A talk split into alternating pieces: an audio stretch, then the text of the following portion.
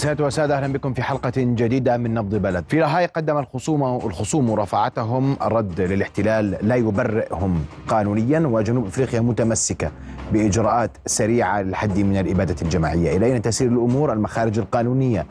أمام الاحتلال هل لديها وسائل استباقية؟ تساؤلات ناقشها ليلة مع ضيفي الدكتور عدنان الخشاشني المختص في القانون الجنائي الدولي. مساء الخير دكتور. مساء الورد. أهلا وسهلا فيك. أيضا سينضم إلينا عبر الهاتف الدكتور عمر العكور الخبير في القانون الدولي. وأبدأ معك دكتور عدنان. بعد أن تابعنا المرافعتين كيف تقيم الوضع الآن أمام محكمة لاهاي؟ بودكاست استمعت جليا وقرأت بتمعن وتفحص دقيق مرافعة دولة جنوب أفريقيا التي كانت مرافعة قيمة ومقبولة وتستند على حجج وأسانيد واقعية وقانونية صحيحة وفذة ولها كم كبير من المقبولية والمعقولية أمام المحكمة. كانت مدعمة بصور ووثائق وتقارير صادرة عن منظمات دولية إنسانية وحقوقية عالمية لم تأخذ إطلاقا من طرف المقاومة أو من طرف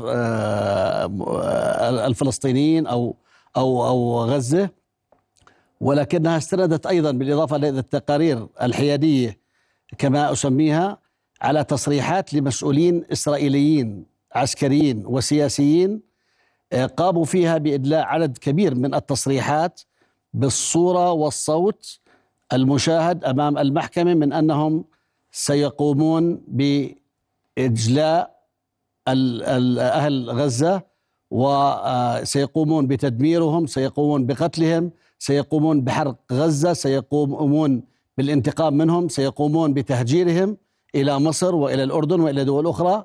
الأمر كله في مشتباه أخذ من من فم الفاعل أو الجاني اللي هو دولة الاحتلال الإسرائيلي ومن منظمات حيادية لا علاقة لها بالسلطة الوطنية الفلسطينية أو بحركة المقاومة الإسلامية. عززت بوثائق عززت بشواهد عززت بصور عززت بتقارير. هذه كانت فعلا خلينا نقول لائحة دعوة ومرافعة مسندة ومهمة جدا. والرد كيف؟ الرد كان ضعيفا بصراحة. الرد ليش؟ كان ضعيفا واهنا حجة الجاني عادة ضعيفة لم يستطع أن يدافع عن نفسه يعني ارتكزت المرافعة الإسرائيلية على أنهم يقومون بالدفاع عن أنفسهم وارتكزوا ببعض الأدلة والصور التي قاموا بسحبها أو بالارتكاز عليها والاتكاء عليها من خلال ما حدث في 7 أكتوبر. متناسين أن جريمة الإبادة الجماعية التي أقيمت بحقهم من قبل دولة جنوب أفريقيا تتعلق بإبادة المدنيين العزل من أطفال ونساء وشيوخ وأشخاص مدنيين لا علاقة لهم بحمل السلاح أو بالمقاومة. نعم. إسرائيل اعتمدت فقط على أدلة قدمتها ضد المقاومة. المقاومة أصلا حق مشروع المقاوم له حق مشروع أيضا بالمقاومة عن نير الاحتلال وبطلب الاستقلال بأي طريقة كانت. لكن الحجج الإسرائيلية كانت كالعادة إغماء وتعمية على وجوه الإعلام على وجوه القضاة.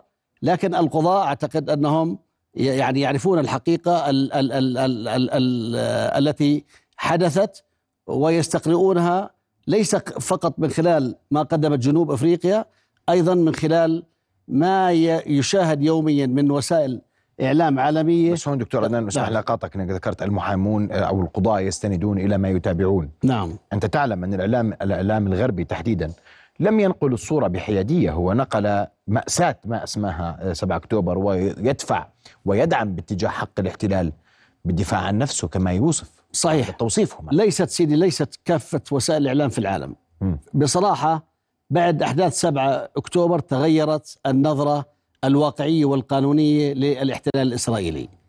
ويبدو أن الصورة النمطية التي كان الاحتلال الإسرائيلي يقول فيها بأنه هو صاحب الأرض وصاحب الحق فيها وأن ما يجري من مقاومة على الأرض الفلسطينية هي جرائم ضده انقلبت عليه.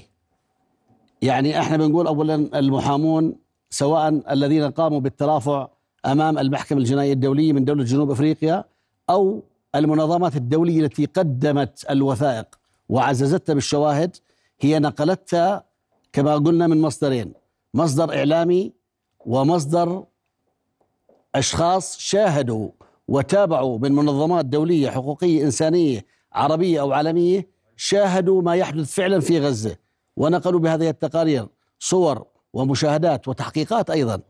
بينما دولة الاحتلال قدمت فقط صور قدمت بعض الإفادات أنا أنا واثق منقولة عن بعض الأشخاص الذين ألقي القبض عليهم من المقاومة لكن تناست أو تعامت على أن موضوع الدعوة أصلا هي إبادة جماعية للمدنيين للأطفال للنساء للشيوخ.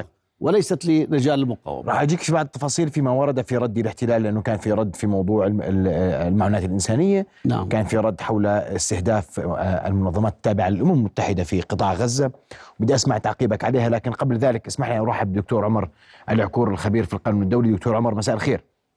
مساء الخير لك أخي محمد.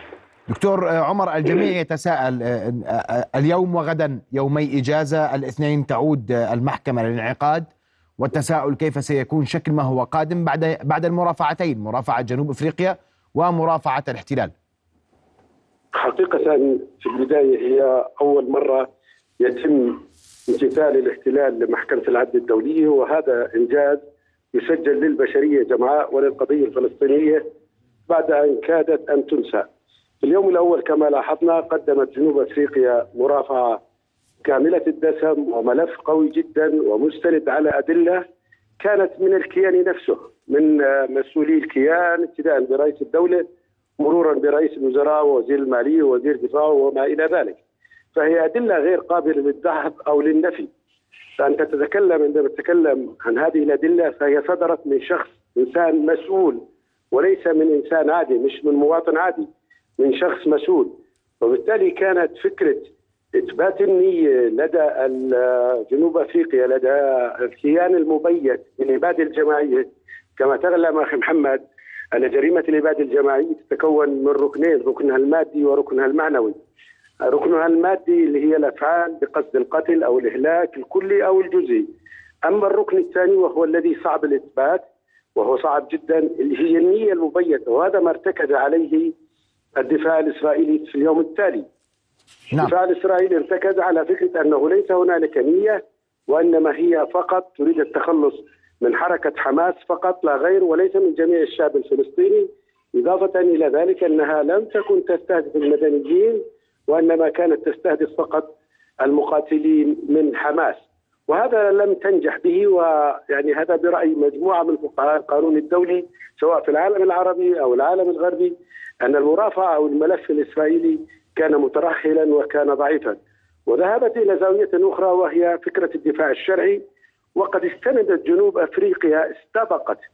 أكون أكثر دقة استبقت جنوب أفريقيا الكيان الغاصب بهذه النقطة حيث أشارت في مرافعتها في اليوم الأول إلى أنه لا يجوز الاستناد إلى فكرة الدفاع الشرعي مع وجود الاحتلال استنادا إلى رأي المحكمة نفسها فيما يتعلق بالجدار العازل. كما تعلم سيدي أن المحكمة قد أصدرت رأيا استشاريا غير ملزم للكيان ومن ضمن هذا النص القانوني أنه لا يجوز للاحتلال أن يتذرع أو أن يتمسك بفكرة الدفاع الشرعي في حالة وجود الاحتلال.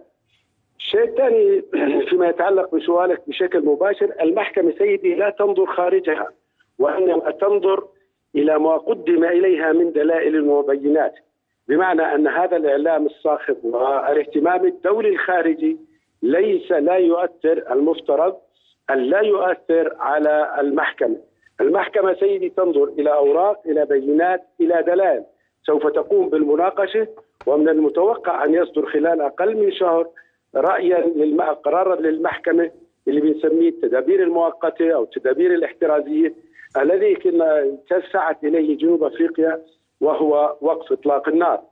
وإذا لم تستجب الكيان الصهيوني الغاصب إلى هذا الرأي فإنه من الممكن أن تلجأ المحكمة إلى مجلس الأمن طالبة منه أن يجبر الطرف المحكوم عليه بتنفيذ هذا القرار. نعم، لكن دكتور عمر وأنا أسمح لي في, في ذات الإطار اليوم. وأنت تحدثت أن المرافعة خلت من بعض من من الدلائل بعكس مرافعة جنوب أفريقيا التي استبقت ما قد يأتي في رد الاحتلال على ما اتهم به. هناك من يتحدث ان هذه المحكمة اليوم بقضاتها. تتعرض لضغوط صحيح؟ سيدي هذا شيء يعني جزء من من الدعاية الصهيونية التي تهدف إلى التأثير على قضاة المحكمة. لا بل حاولوا. ولكن على ما أعتقد أن المحكمة هي هيئة قضائية تمثل القضاء العالمي تمثل العدالة العالمية. فالعالم كله ينظر إليها بعين العدالة. فلا أعتقد أن هنالك مجال للتأثير كبير على هذه المحكمة من الناحية السياسية. علما بأن قضاة المحكمة لا يمثلون دولهم. يعني بغض النظر عن جنسية القاضي الموجود في المحكمة كما تعلم سيدي المحكمة تتكون من 15 قاضي. ولصدور هذا الحكم يجب أن نحصل على الاغلبيه اللي هي حوالي ثمان قضاة.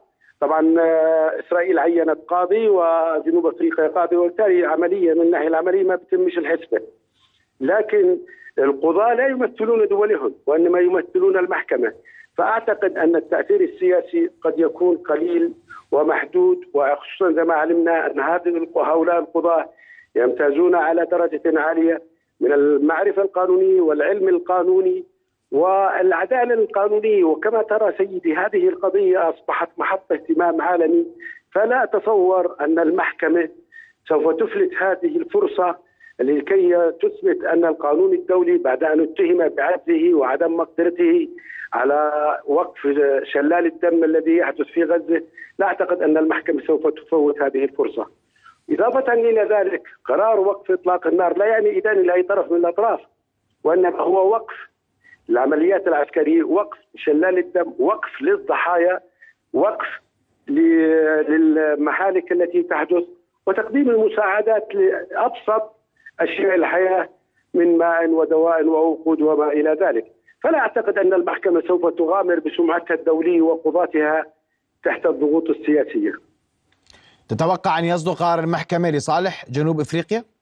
حسب الملف الذي قدمته جنوب أفريقيا أعتقد أن الملف قوي جدا وملف متماسك.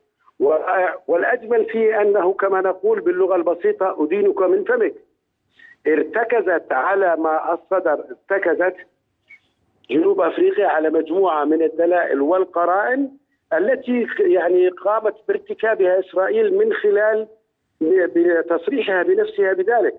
فعندما يصدر قرار عن رئيس الدولة أو تصريح عن رئيس الدولة يقول إن الشعب ان غزه المواطن الغزي ليس أمامه خيار إما أن يبقى ليجد الموت أو أن يذهب ويغادر غزة. الآخر يطلب بإلقاء نووي. الآخر وزير الدفاع عندما صدر علينا قال غزة محاصرة تماما وشرح لنا ماذا تعني المحاصرة. لا وقود لا ماء لا كهرباء وما إلى ذلك. وعندما تتصفح أركان جريمة الاباده الجماعيه سواء من حيث النية أو من الأفعال تجد وكأنها هي بالتفصيل ما قاله من صور الاباده الجماعيه اللي هي التاثير ومحاولة إهلاك فئة معينة تنتمي إلى طائفة إثنية أو عرقيه نعم. أو دينية معينة بقصد اهلاكهم. وسائل الإهلاك قد تكون من محاولة منع سبل الحياة عنهم، فالبيوت قد تهدمت والكهرباء قد قطعت والماء والدواء قد قطع عنهم. نعم. إضافة إلى ذلك سيدي حتى الجانب الديني استغلوا استغلوا الكيان الغاصب وقال اقتلوا العمالقة وهذا استنادا إلى توراتهم فبالتالي هذا أول شيء، الجانب يعني الآخر القانوني وهو مهم عندما تفرعت إسرائيل بالمادة 51 من ميثاق الأمم المتحدة اللي هو الدفاع الشرعي كانت متنبهة سلفا جنوب أفريقيا إلى أنه سوف تستند إسرائيل إلى هذا الشيء وبالتالي قدموا الحجة من المحكمة نفسها بال 2004 عندما صدر الرأي الاستشاري في الجدار العادل قالت المحكمة أنه لا يتصور وغير مقبول وغير صحيح أن يستند أي طرف إلى فكرة الدفاع الشرعي في حالة الاحتلال والكيان هو في حالة احتلال. وبالتالي أعتقد أن الملف قوي متوازن لم يقم على العاطفة. إذا لاحظت سيدي في بداية الدفاع الإسرائيلي اتكوا على فكرة الهولوكوست. إنهم كانوا ضحايا أوروبا وتم قتلهم وتشريدهم والى آخره. وكما تعلم سيدي أن اتفاقية منع الاباده الجماعية من ساعد على خلقها ووجودها ودفعها إلى العالم هم اليهود أنفسهم. نعم. هم كانوا بال 48 بعد الحرب العالمية الثانية بعد الهولوكوست أوجدوا هذه وأوجدوا الشرط الخاص اللي هو ما يسمى بالنية الخاصة اللي هي من الصعب جدا إثباتها، لكن الآن الحكم الذي سوف يصدر لن يصدر حكما أو قرارا بأن هنالك ارتكاب جريمة إبادة جماعية أو لا وإنما سوف يكون قرارا تحفظيا بوقف إطلاق النار من أجل وقف معاناة هذا الشعب الذي يعني حوالي 70% من غزة دمرت تماما. حوالي 80% من البيوت في غزة دمرت تماما. نحن الآن لا نقول من المعتدي أو المعتدى عليه. نقول كمحكمة يجب أن نوقف هذا وبعدها نرى. وأعتقد إنه فكرة المحكمة الوصول إلى قرار إدانة قد تأخذ مساحة زمنية أكبر مما نعتقد. أشكرك كل الشكر للخبير في القانون الدولي دكتور عمر العكور. كنت معنا عبر الهاتف. أعود لك دكتور عدنان. نعم يا سيدي واظهروا الاحتلال عشان نكون إحنا يعني واضحين. نعم.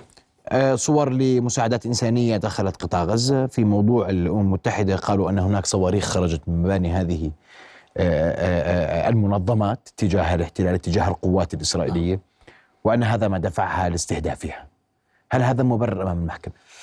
سيدي هذا ليس مبرر وكما انتهى الدكتور عمر من أن الاحتلال يتباكى ما زال على المحرقة التي تعرض لها أو ادعى أنه تعرض لها. من قبل النازية الألمانية أو ما يسمى بالهولوكوست مع الإشارة إلى أن اليهود آه، قد بادروا وجاهدوا آه، في إظهار هذه الاتفاقية اتفاقية منع الإبادة الجماعية والمعاقبة عليها إلى العلن. وأود أن أشير هنا إلى إلى نقطتين هامتين. الأولى أن هذه الاتفاقية لم تقم على أساس ارتكاز منع الإبادة الجماعية فقط وإنما على المعاقبة على مرتكبيها ومرتكبيها بالعادة هنا آه، ليسوا فقط آه، قيام الاحتلال كدولة وإنما الأشخاص الذين ساهموا بارتكاب هذه المجازر بحق أبناء الشعب في غزة. المادة 41 من الاتفاقية آه، التي بنيت عليها هذه الدعوة قدمت جنوب أفريقيا بخصوصها طلب مستعجل ما يسمى بالطلب المستعجل ولائحة الدعوة. وهما شقين منفصلين متكاملين معا. الطلب المستعجل آه، طلبت آه، جنوب أفريقيا من المحكمة من محكمة العدل الدولية أن تقوم بإصدار قرار يقضي بوقف الحرب وإضافة إلى ذلك بفتح المعابر وتسيير المعونات من كافة معابر الحدود التي تدخل إلى قطاع غزة من أجل ألا يموت سكان غزة جوعا. ومنع المساعدات أو منع المواد الغذائية والمياه والأدوية والأطعمة هو جزء لا يتجزأ من جريمة الإبادة الجماعية التي ترتكز عليها جنوب أفريقيا من ضمن آه، مسودة أو لائحة الدعوة التي تقدمت بها. آه، المحكمة الجنا... آه، محكمة العدل الدولية الآن ستقوم بالنظر بهذه القضية إما وحدة واحدة أو أن تفصل الطلب المستعجل عن لائحة الدعوة. إن قامت بفصل الطلب المستعجل عن لائحة الدعوة فستصدر خلال أيام قليلة قادمة قرارا يقضي بوقف العدوان وبفتح المعابر. وهذا القرار ملزم بالكيان الإسرائيلي لسببين. السبب الأول أنه إسرائيل أو الاحتلال الإسرائيلي أذعن للمثول أمام المحكمة. ما دمت أذعنت فأنت قبلت باختصاصها وبقرارتها.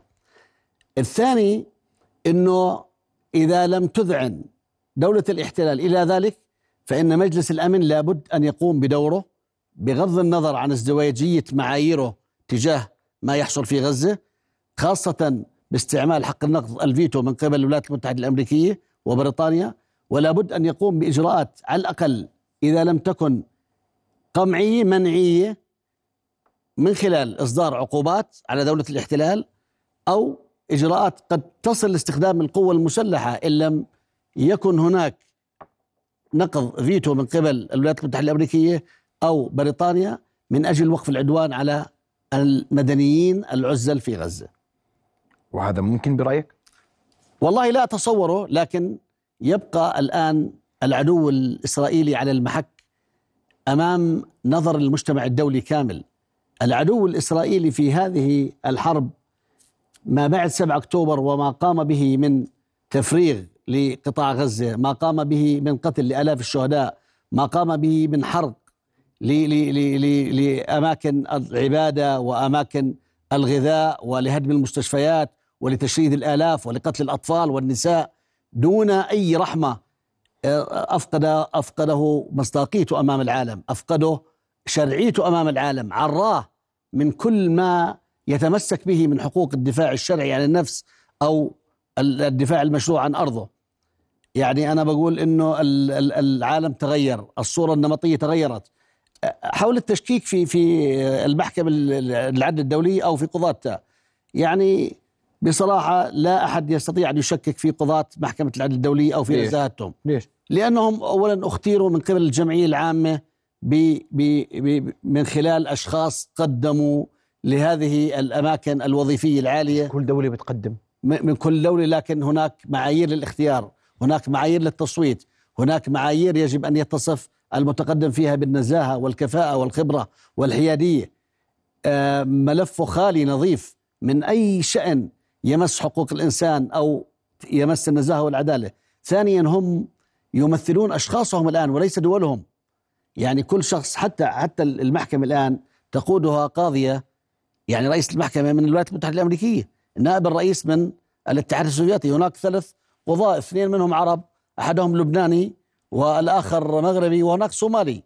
لكن يعني الشك بعيد عنهم بنزاهتهم. سيصدر قرار إن لم يصدر قرار بوقف آه، العدوان الآن على غزة سيصدر بالحد الأدنى قرار بتسهيل المساعدات الإنسانية بفتح المعابر والقضية قد تطول. الجناح الآخر مش الطلب يعني القضية قد تطول. لماذا قد تطول؟ لأنه قد يدخل آه، دول أخرى بصفتها مع الجهة المدعية أو المدعى عليها. وبالمناسبة كيف يعني بس؟ نعم. التأخير يأتي من بهذا لهذا السبب؟ التأخير يأتي من الإجراءات الآن. م. يعني إجراءات المحكمة لن تكون خلال أسبوع أو أسبوعين. ممكن آه المحاكمة آه لن تنتهي في أقل من ثلاث شهور. إحنا المحاكمة أما الطلب المستعجل قد يصدر قراره خلال أيام المتعلق بوقف العدوان أو بتسيير أو بتسيير المساعدات وقف العدوان معا. لكن القضية إحنا الآن أمام قضية ليس لإدانة الاحتلال فقط. قضية تتعلق بالتكييف القانوني لما يقوم به الاحتلال الإسرائيلي الآن في غزة. هل يشكل جريمة إبادة جماعية أم لا؟ إن قالت المحكمة بأغلبية آرائها أن ما يجري في غزة الآن يشكل جريمة إبادة جماعية فإسرائيل في خطر في قمة الخطر من الناحية القانونية والواقعية لماذا؟ لأن هذا الأمر يعني أن هذه الجريمة أصبحت من اختصاص المحكمة الجنائية الدولية وبالتالي يستطيع صاحب المصلحة أن يرسل ما يشاء من ملفات وأوراق ويدعم ذلك بقرار محكمة العدل الدولية أن يرسل المحكمة الجنائية الدولية لمحاكمة كل أشخاص وأفراد الكيان الصهيوني من سياسيين وعسكريين ساهموا بارتكاب هذه الجريمة طيب بدي أظني في ذات الإطار وأنت تقول دول هناك دول قد تدعم المرافعة جنوب أفريقيا أو مراجعة نعم. مرافعة الاحتلال نعم. هذا يعني وهذا هذا كان يستغرق نعم. وقتا نعم طبقا لميثاق آه، المحكمة محكمة العدل الدولية الآن بس بدي أشير بكلمة واحدة أنا أنه إسرائيل دولة الاحتلال الآن هي مدعى عليها أمام المحكمة. والمدعي هي جنوب أفريقيا وموقف المدعي ليس كموقف المدعي عليه دائما. المدعي عليه بالعادة أضعف لأن المدعي ما وصل المحكمة إلا لديه من الأسانيد التي تدعم دعواه ما يكفي للحكم على المدعي عليه. الآن للدول الصديقة أو التي ترتئي أن لها أي علاقة أو مصلحة في هذه الدعوة أن تدخل بصفتها مدعيا بالإضافة لدوله جنوب أفريقيا. وأنا من هنا أدعو كل الدول العربية وخاصة مصر على رأس مصر التي قام ممثل أو مندوب دولة الاحتلال في المحكمة البارحة بالزج باسم مصر بأنها هي من تمنع المساعدات عن أهل غزة وهي من تقوم باحتكار وتسكير المعابر. وهذا كلام غير صحيح. مصر لها الآن مصلحة. الدول العربية إنشأت لها مصلحة بالدخول مدعي إلى جانب دولة جنوب أفريقيا وتماما الحال بالنسبة لدولة الاحتلال تستطيع أن تدخل معها أي دولة. ترى أن موقفها على حق بصفتها مدعى عليها. هاي من جهة. من جهة أخرى أيضا للدول. هذا يغير أو يعزز أو يضعف موقف أي من الدولتين أمام المحكمة؟ سيدي بالطبع. وقوف دولة واحدة مدعية ليس- ليس كوقوف 10 أو 20 أو 30 دولة مدعية من المجتمع الدولي. وبصراحة إسرائيل أو لأول مرة أصلا إسرائيل تمثل بهذه الصفة أمام المحكمة العدل الدولية. لم تمثل ولن نستطيع أن نمثل إسرائيل أو آه، قادة الكيان المحتل أمام المحكمة الجنائية الدولية بصفة رضائية لأن إسرائيل ليست عضو في المحكمة الجنائية الدولية. لكن ذلك لا يمنع الإخوة الفلسطينيين أو أي شخص له مصلحة من إقامة أي دعاوي تتعلق تتعلق بحق مجرمي الحرب في الكيان الصهيوني أمام المحكمة الجنائية الدولية. لكن كما أشرت يعني أؤكد مرة أخرى أن هذا القرار الذي سيصدر عن المحكمة محكمة العدل الدولية سيكون له أثر كبير في تعرية النظام ال- ال- القانوني على الأقل التي تقوم عليه إسرائيل مدعية بأنها ترتكز على حق الدفاع عن النفس وحق الشرعية في في الاحتلال. اثنين سيكون تمهيد ومرتكز لمحاكمة كافة قيادات الاحتلال السياسيين والعسكريين أمام المحكمة الجنائية الدولية في النهاية أيضا. الأردن أعلن أنه سيقدم سيقدم مرافعة صحيح؟ مرافعة صحيح. أعلن على د- على لسان دولة آه، الدكتور بشر الخصاونة رئيس الوزراء وهو يعني ضليع بالقانون أيضا بالقانون الدولي على أن المملكة الأردنية الرسمية ستقوم بتقديم مرافعة تكميلي أو تعزيزي لما تقوم به دولة جنوب أفريقيا وهذا أيضا من حق أي دولة أن تشاء بأن تقدم مرافعة مع أو ضد أي طرف من الأطراف التي يحاكم. هل هناك من أعلن أنه سيقدم مرافعة مع الاحتلال؟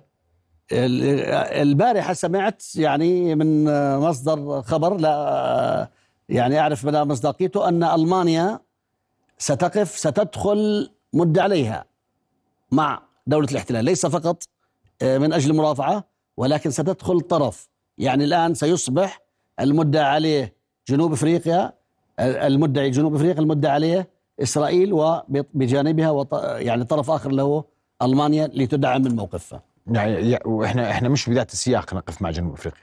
لذات يعني لم يصدر أي تصريح رسمي آه، باستثناء ما ورد عن دولة الرئيس من أن الحكومة الأردنية ستقدم مرافعة. وهذه المرافعة طبعا لها تأثير كبير وتعني بأن الحكومة الأردنية تدعم وتساند جنوب أفريقيا في ما رمت إليه وفي ما وصلت إليه وتعزز من آه، مصداقية الموقف الأردني تجاه قضية إخواننا في فلسطين. من من الدول العربية والإسلامية موقع على هذه آه، آه، على محكمة العدل الدولية واتفاقياتها؟ آه، معظم الدول العربية جميعها. جميع الدول العربية جميع الدول العربية وقعت على ميثاق آه، آه، محكمة العدل الدولي إذا ما نريده هو وقوف كل العرب إلى جانب جنوب أفريقيا في يعني هذا. أنا والله بصفتي يعني خبير في القانون الدولي ومحامي أدعو كافة المجت- دول المجتمع العربي والإسلامي والحر المحب لحقوق الإنسان والمناصر للقضية الفلسطينية والمعادي للاضطهاد والإبادة الجماعية ولجرائم الحرب أن يقف وقفة شموخ وعز وحرية مع جنوب أفريقيا في هذه القضية أشكرك آه، كل الشكر الدكتور عدنان الخشاشني المختص في قانون الجنائي الدولي. أشكرك على. حضورك آه، معنا ليلى شكرا جزيلا لك. الله يبارك فيك. شكرا. رؤيا بودكاست.